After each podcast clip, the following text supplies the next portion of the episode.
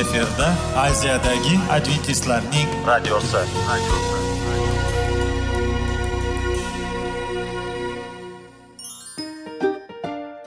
assalomu alaykum aziz radio tinglovchilar sog'liq daqiqasi rubrikasiga xush kelibsiz zero tananing sog'lom bo'lishi va uning kasalliklardan saqlash har bir insonning burchi hisoblanadi. Inson uchun bebaho boylik bu sog'liq salomatlikdir. Uni asrash esa har birimizga omonat qilib berilgan. Shuning uchun ham inson o'z sog'lig'ini ehtiyot qilishi voajib amallardan hisoblanadi. Dono xalqimiz sog'liq tuman boylik deb bejiz aytmagan. Aql idroq sohibi bo'lgan inson o'z hayotini qadrlashi lozim bo'ladi. Hozirgi kunda qanchalik dori darmonlar ko'paymasin tibbiy muassa sifati shifokorlar vasiyasi tibbiy texnika yaxshilanmasin. Agar insonning o'z salomatligi haqida qayg'urmasa kutilgan natijaga erishib bo'lmaydi va biz sizlarga bizning dasturimizga xush kelibsiz deymiz.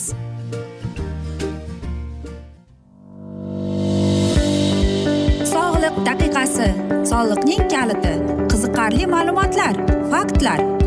Har kuni siz uchun foydali maslahatlar. Sog'liq daqiqasi rubrikasi.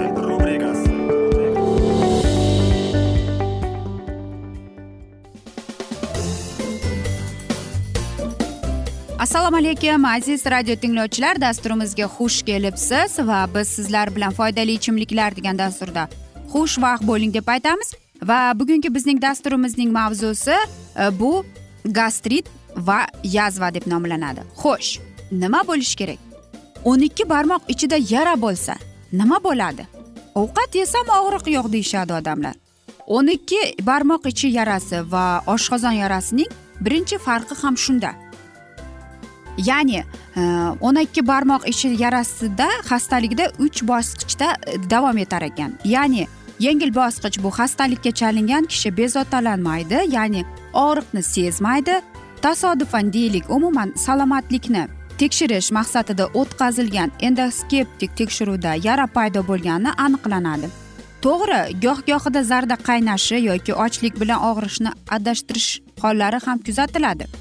O'rta bosqichda zarda zarda bosqichda e, qaynashi og'riq bezovta qilib va taomlagichni ham o'tib ketavermasligi va kuchayib borishidan bemor shikoyat qiladi. Uchinchi bosqichda yara ochilib qora rangda keladi. Xo'sh infeksiya kasalligimi bu yoki naslmi deymiz? Bilasizmi agar gastrit va mana shu o'n ikki barmoqlik kasalligi birda bo'lsa nima bo'ladi? Albatta bu bomba. Chunki ham gastrit ham bu yaralar nima qilish kerak? Ayrim bemorlarda onamda ham bor edi deb qolishadi. Bu kasallikni keltirib chiqaruvchi sabablarga borib taqaladi. Xo'sh xilobakter pilorasi infeksiyasi bor. Bu me'da suyuqligida xlorid kislotasi miqdorining oshganligi sababli u shilliq pardasi ta'sirlanib turadi. Shilliq qavat bijilishi natijasiga mayda yara o'chog'i yuzaga keladi. O'zgarishlarni yalliqlanish jarayonini qo'zg'atuvchi bakteriya o'z zimmasiga oladi. Bu bakteriya spetsifik harakatchan uchlari mayda mayda bir biri bilan chalkashib ketgan o'simtalar bo'lib ular o'ta harakatchandir. Bakteriyaning me'da ichida rivojlanishligi hisobiga olib xilokobakter pilorasi deb nomlangan ekan. Ruhiy zo'riqish qattiq asabiylashgan yoxud siqilgan kishining asab torlari bilan birga ichaklari ham tarang tortadi va oxir oqibat yara paydo bo'ladi. Qarangki hattoki noto'g'ri ovqatlanmaslik ham. Cho'chimaymiz biz tekshiramiz deymiz. Xo'sh. Chunki nega deymizmi? Bu xastalikni boshdan kechirganlar yaxshi bilishadi. Og'riq kechqurun zabtiga oladi. E, chunki soat nol nolda tungi soat birgado'rda me'da shirasidan kislota ajralish jadallashtiradi. Kechki ochlik kuzatiladi. Oxirgi tanovul allaqachon hazm bo'lib ketgan sabab me'da shirasidan ajraladigan kislota o'n ikki barmoqli ichakning shilliq pardasini yemiradi. Xo'sh nima qilish kerak? E, biz albatta aytgan edik. Ko'plab hozirgi e, mana shu tabiiy usullar bor. Ko'plab aytadi tuxum yutsang kasal bo'lmaysan yoki o'tib ketadi deb aytadi. Qarangki shifokorlar bu borada shunday deb aytar ekan. Yo'q xom tuxum yutish ertalab och qoringa kartoshka kraxmalni qabul qilish chaqqanda yoki og'riqni vaqtincha qoldiradi deydi. Uy sharoitida qanday davolash mumkin deymiz? Bu aytaylik ovqatlanish rejimiga qat'iy bo'ysunish lozim. Tez tez kamdan kam. Taomlanish vaqtlari oralig'ida yengil tamaddidan oldin olishni unutmang. Qaynoq taom va ichimliklar qattiq qovurilgan hazmi og'ir xamirli taomlar tarkibida. Zararli moddalar mavjud. Eslatamiz tamaki nos mahsulotlari dushmaningizga aylanishi hech gap emas. Demak o'n ikki barmoq ichak yarasi tashxisi qo'yilgan bemorlar uy sharoitida parhez tutish orqali o'zlariga yordam ko'rsatishadi. Va sizlarga hozir biz e, mana shunday oshqozon himoyachi degan e, sharbat haqida aytib bermoqchimiz. Hammamiz bilamizki karamning sharbati undagi judayam ko'p vitaminlar antioksidantlar bor. Ya'ni u himoya e, shilliqlikni shilliqliqni keltirib chiqaradi. Ya'ni bu degani vitamin u deb uni qadimgida shunday deb aytishardi. Hozirgida esa u metalometin deb ataladi. Va qarang agar sharbatni sabzi va karam sharbatidan qo'shib aralashtirsa chunki e, sabzida a vitamini bor u bizdagi bor yo'qolgan mana kletkalarni tiklashga yordam beradi. Kartoshka esa hammamiz bilamiz u kraxmalga boy va u ko'p mana shu kislotani ortiqcha kislotani yo'q qilishga yordam beradi. Karam kartoshka sabzi. Agar bularning hammasini bir qilsak biz albatta oshqozon himoyachi degan sharbatni olamiz.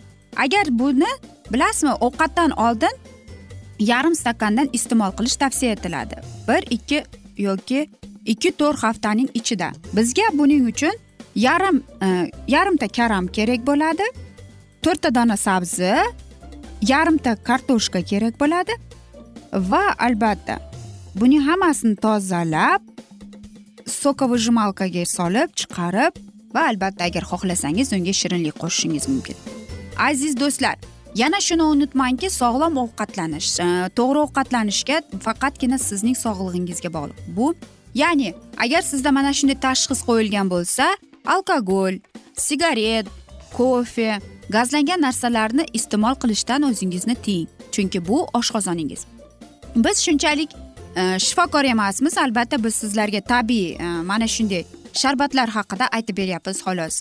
Agar sizga shifokoringiz dorilar yozib bergan bo'lsa unda yaxshi va unga rioya qiling deymiz. Aziz do'stlar e, uni bizning dasturimizdagi sharbatlarni iste'mol qilish yoki qilmaslik sizning qo'lingizdadir. Va aytishadiki hamma yaxshi narsaning ham yakuni bo'ladi degandek afsus bizning dasturimizga ham yakun kelib qoldi chunki vaqt birozgina chetlatilgan. Lekin keyingi dasturlarda albatta mana shu mavzuni yana o'qib eshittiramiz va sizlarda savollar tug'ilgan bo'lsa biz sizlarni salomat klubga taklif qilamiz. Va aziz do'stlar umid qilamizki bizni tark etmaysiz deb chunki oldinda bundanda qiziq va foydali dastur kutib kelmoqda. Sog' bo'ling omon qoling deb xayrlashamiz.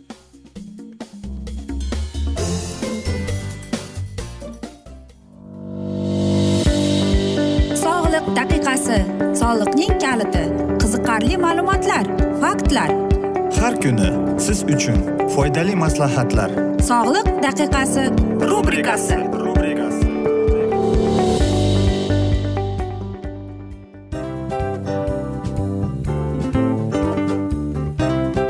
Mana ha hayotda hamma narsaning yaxshi narsalar tugaydi va yakunlaydi degandek bizning dasturimizga ham yakun keldi. O'ylaymanki bizning dasturimiz sizga foydali bo'ldi deb aziz radio tinglovchimiz. Va siz o'zingiz uchun kerakli xulosalar kerakli maslahatlar olib oldingiz. Aziz radio tinglovchimiz biz bilan qoling va keyingi dasturlarimiz albatta undanda qiziqroq bo'ladi.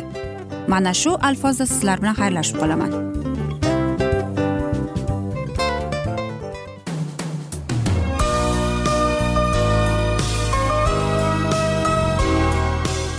Efirda aziyadagi adventistlarning radiosi.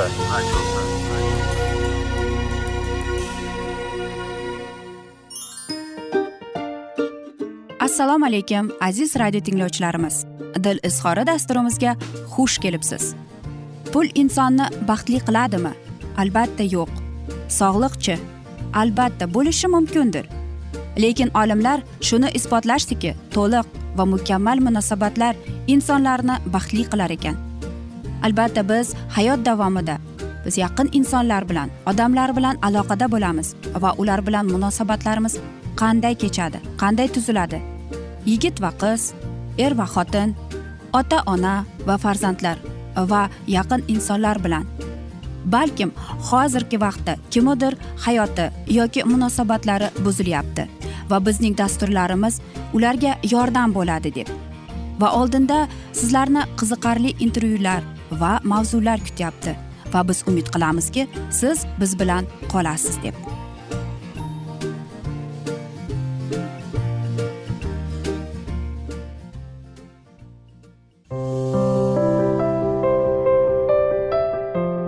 Kuni har xil kasbdagi odamlar bilan sirlashish va bo'lishish sevgi rashq munosabat bularni hammasi dil izhori rubrikasida.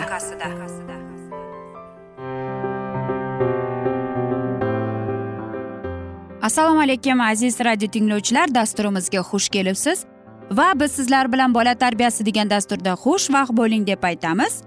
Va bugungi bizning dasturimizning mavzusi o'spirim va uning do'stlari deb nomlanadi.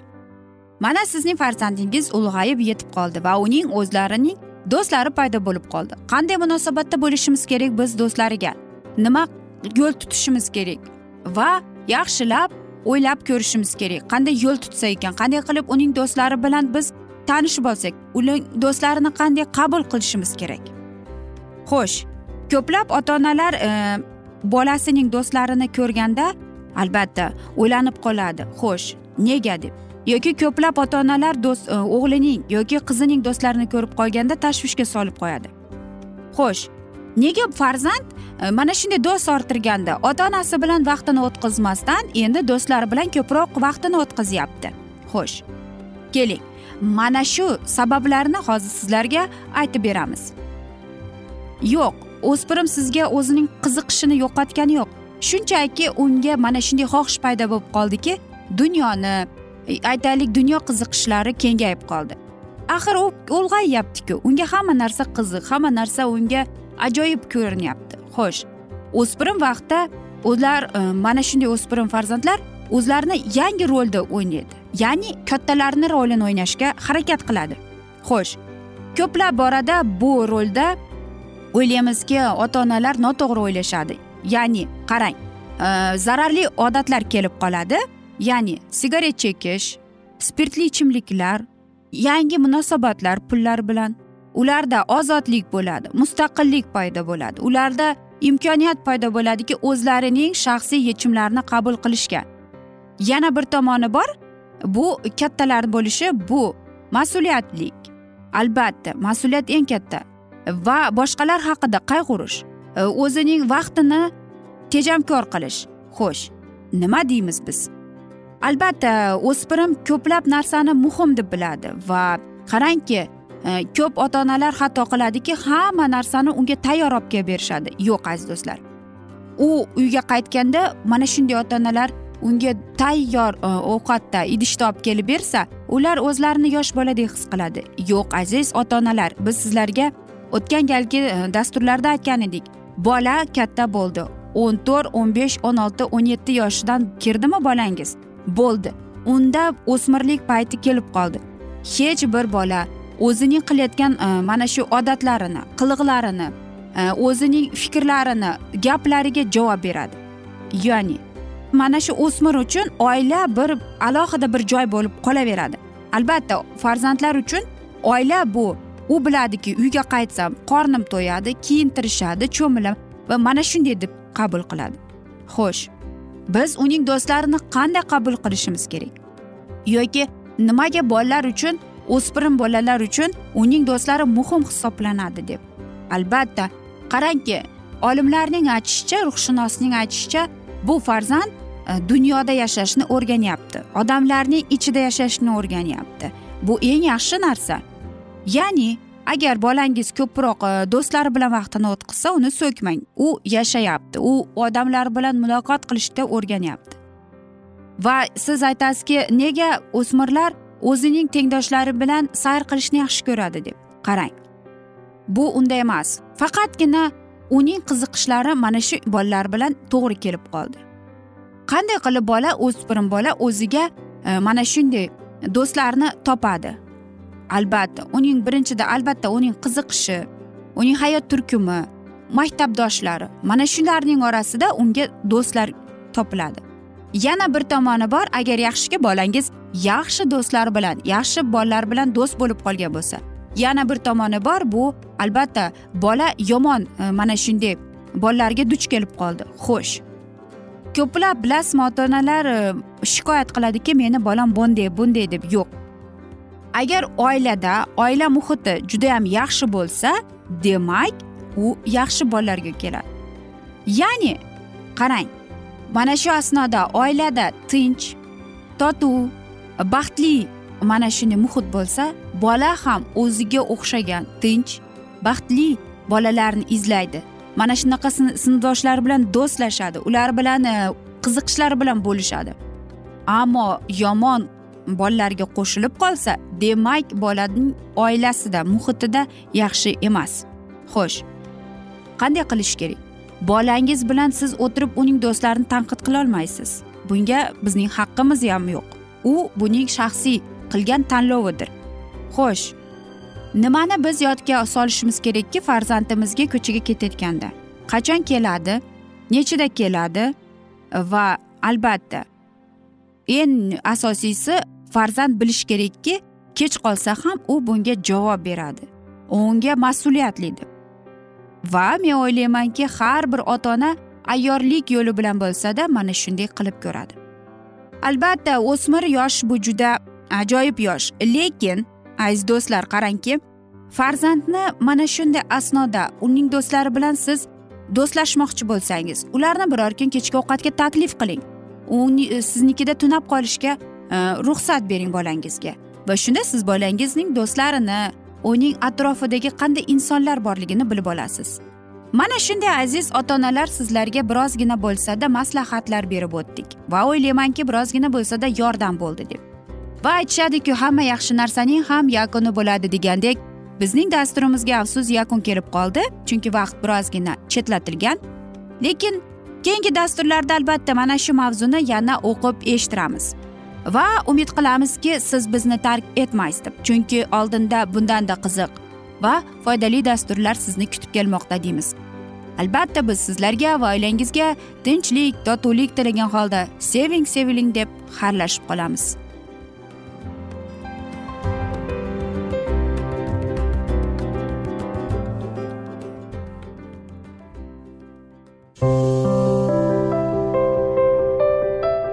Har kuni har xil kasbdagi odamlar bilan sirlashish va bo'lishish. Sevgi rashq munosabat. Bularni hammasi dil izhori rubrikasida. Mana aziz radio tinglovchimiz bizning go'zal va foydali va chiroyli dasturimiz yakunlanib bormoqda. Sizlarga birozgina maslahat berib o'tmoqchi edik. Bir biringizni seving qadringizga yeting. Va erkalang albatta bir biringizni va sizga judayam chiroyli va mustahkam munosabatlar tilab qolamiz albatta. Sevgilingiz doimo yoningizda bo'lsin. Mana shu borada sizlar bilan xayrlashib qolamiz. Xayr.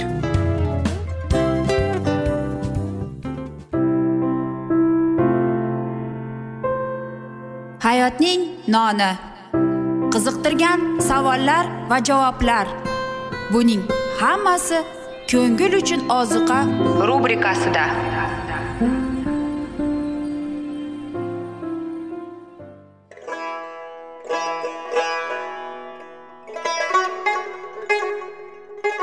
Assalomu alaykum aziz radio tinglovchilarimiz. Ko'ngil uchun oziqa rubrikasida xush kelibsiz deymiz. Siz haqiqatni izlayapsizmi? Olamnimi? Umidnimi? Siz kimga murojaat qilmoqchisiz? Odamlar ko'pincha siyosat kuchiga tayanadilar. Dunyo iqtisodiyoti holati tobora chuqurlashib bormoqda. Tabiiy ofatlar va texnogen halokatlar minglab insonlarning hayotini olib ketib juda katta zarar yetkazmoqda. Sizga abadiy hayot inomini hadya qiluvchi va hayotingizni tubdan o'zgartiruvchi haqiqatni izlab toping. Xudo haqidagi haqiqat uning kalomida mujassamlashgan. Kimki bu haqiqatni butun qalbi bilan izlasa albatta unga yetishadi. Bu sevgi xudoning tarixidir. Hayotingizda yoki sizning yon atrofingizdagi olamda nimalar yuz berishidan qat'iy nazar? Siz ertagi kunga buyuk umid va ishonch hosil qilishingiz mumkin. Hozirda xudo sizga taklif qilayotgan umid ishonchga o'z qalbingizni oching va sizni qiziqtirayotgan mavzularni savollaringizga javoblaringizni topib olasiz deb umid qilamiz. Biz bilan qoling.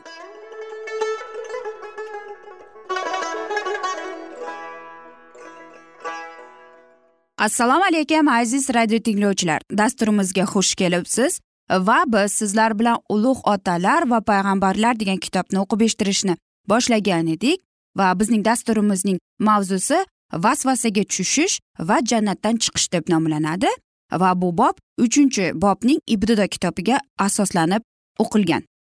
Keling biz sizlar bilan o'tgan galgi mavzuni bugun davom ettiramiz.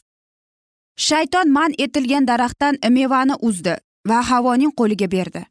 Havo esa qarshi kelmadi.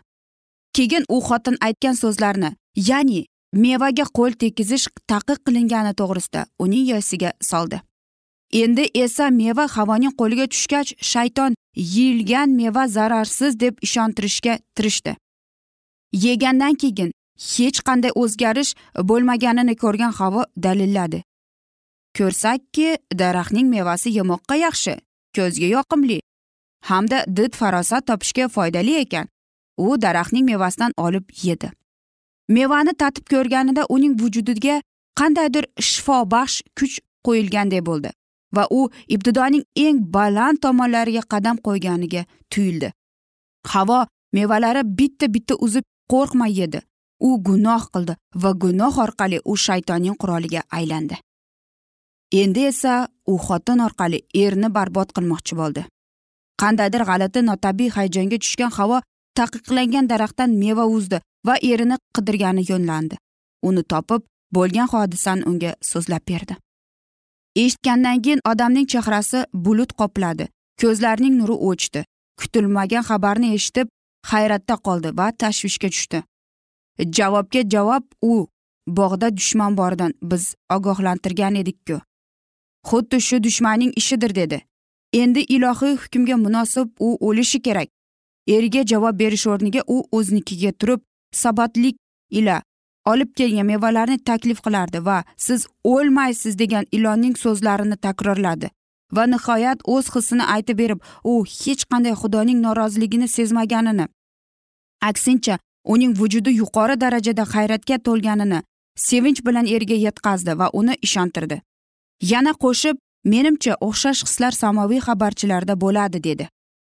Ularning sadoqati va muhabbatini sinash uchun berilgan yagona taqiqni yo'ldoshi buzganini odam tushundi. Uning jonida dahshatli kurash borardi. Havoga uning yonidan ketishga ruxsat berganidan u achinardi. Lekin bo'ladigan bo'ldi. Endi u o'z do'sti sevikli xotinidan ajralishi lozim. Qanday qilib tinchlanishi kerak? Odam xudo va muqaddas farishtalar bilan muloqotda bo'lishdan xursand edi. Tangri taoloning shuhratini qo'rqardi. U tushunardiki xudoga sodiq qolganida insoniyatning istiqboliga naqadar baxtiyor bo'lishini. Shunga qaramay xudo bergan inomni yo'qotganini ko'rib uning nazarida bu inom boshqalarga nisbatan eng afzal edi. Odam yuqorida aytilgan inoyatlarga iltifotsizlik ko'rsatdi. Havoga bo'lgan muhabbatini u ijodkorga nisbatan bo'lgan sevgi hurmat va fidokorligidan yuqori qo'ydi. Havo uning qismi bo'lgani uchun u hattoki fikrda ham uning bilan ayrilishi to'g'risida rizolikka kelmasdi. U tushunmas ediki uni yerdan yaratgan cheksiz kuch unga sevgi asosida hayot uchun muxlisini bergan bo'lsa nahotki boshqa yo'ldoshni berolmasa? Odam havoning qismatini birgalikda ustiga olmoqchi bo'ldi agarda u o'ladigan ekan ular birgalikda o'ladilar. Balki donishmand ilon haqiqatni gapirgandir. Shunday savol xayoliga keldi. Oldida turgan havo oldingidek go'zal va ko'rinishdan beayb edi. Odamga bo'lgan uning sevgisi yanada kuchaydi. Unda hech qanday o'limning belgilari u ko'rmas edi va nihoyat qarorga kelganday mevani qo'ldan oldi va tezlikda yeb qo'ydi. Shunday ekan odam ibtidoning baland doirasiga ko'tarilganini tasavvur qildi lekin tezda qilingan jinoyat to'g'risida tug'ilgan fikr uning jonini vahimaga soldi. Aybdorlarga hatto ob havo o'zgarganini bilindi. Oldin barqaror yumshoq ob havo sovuq va yoqimsizga aylandi. Ularning yuraklarida bo'lgan sevgi va tinchlik o'rniga o'z ayblariga iqror bo'lish his paydo bo'ldi va kelajak hayotlarini tasavvur qila olmay ular vahimaga tushdilar. Ular qiyin kiyingan porloq nur o'chdi. Shu onda ikkovining ko'zlari ochilib yalang'och ekanliklarini payqadilar. Va baland badanlarini yopish uchun loyiq narsani qidirishga majbur bo'ldilar. Yalang'och holatda muqaddas farishtalar oldiga va xudovandning huzuriga ular qanday qilib kirib boradilar? Bora turib o'tgan hodisaning haqiqiy mazmunini ular tushuna boshladilar. Havo erini qoldirib ilonning vasvasasiga berilganda odam xotinini aybladi. Ikkalovi o'zlarini yupatishga tirishdilar. O'z sevgisini ko'p marta isbotlangan parvardigor bu yagona qilgan gunohini kechiradi va ular shunday qo'rqqan dahshatli jazoga duchor bo'lmaydilar. Shayton quvonchidan olqishlardi. U maqsadga erishdi. Xotinini xudoning sevgisida uning donoligida shubhaga soldi. Uni qonunni buzishga itardi va uning orqali odamni ham tubsiz chuqurlik yoniga olib keldi. Lekin buyuk qonunchi odam va havoga ularning itoatsizligining oqibatlarini ko'rsatishga tayyorladi. Bog'da ilohiy nazariyat namoyon bo'ldi. Oldin o'z aybdorsizligida va muqaddasligida ular quvonch bilan o'z tangrisini kutib olardilar. Endi esa vahimada uning nazaridan qochib bog'da daraxtlar orasida yashirindi aziz do'stlar mana shunday asnoda biz afsuski bugungi dasturimizni yakunlab qolamiz chunki vaqt birozgina chetlatilgani sababli lekin keyingi dasturlarda albatta mana shu mavzuni yana o'qib eshittiramiz. Va sizlarda savollar tug'ilgan bo'lsa biz sizlarni adventis tochka ru internet saytimizga taklif qilib qolamiz. Va umid qilamizki siz bizni tark etmaysiz deb chunki oldinda bundanda qiziq va foydali dasturlar kutib kelmoqda. Va biz sizlarga va oilangizga tinchlik totuvlik tilab o'zingizni va yaqinlaringizni ehtiyot qiling deb xayrlashib qolamiz.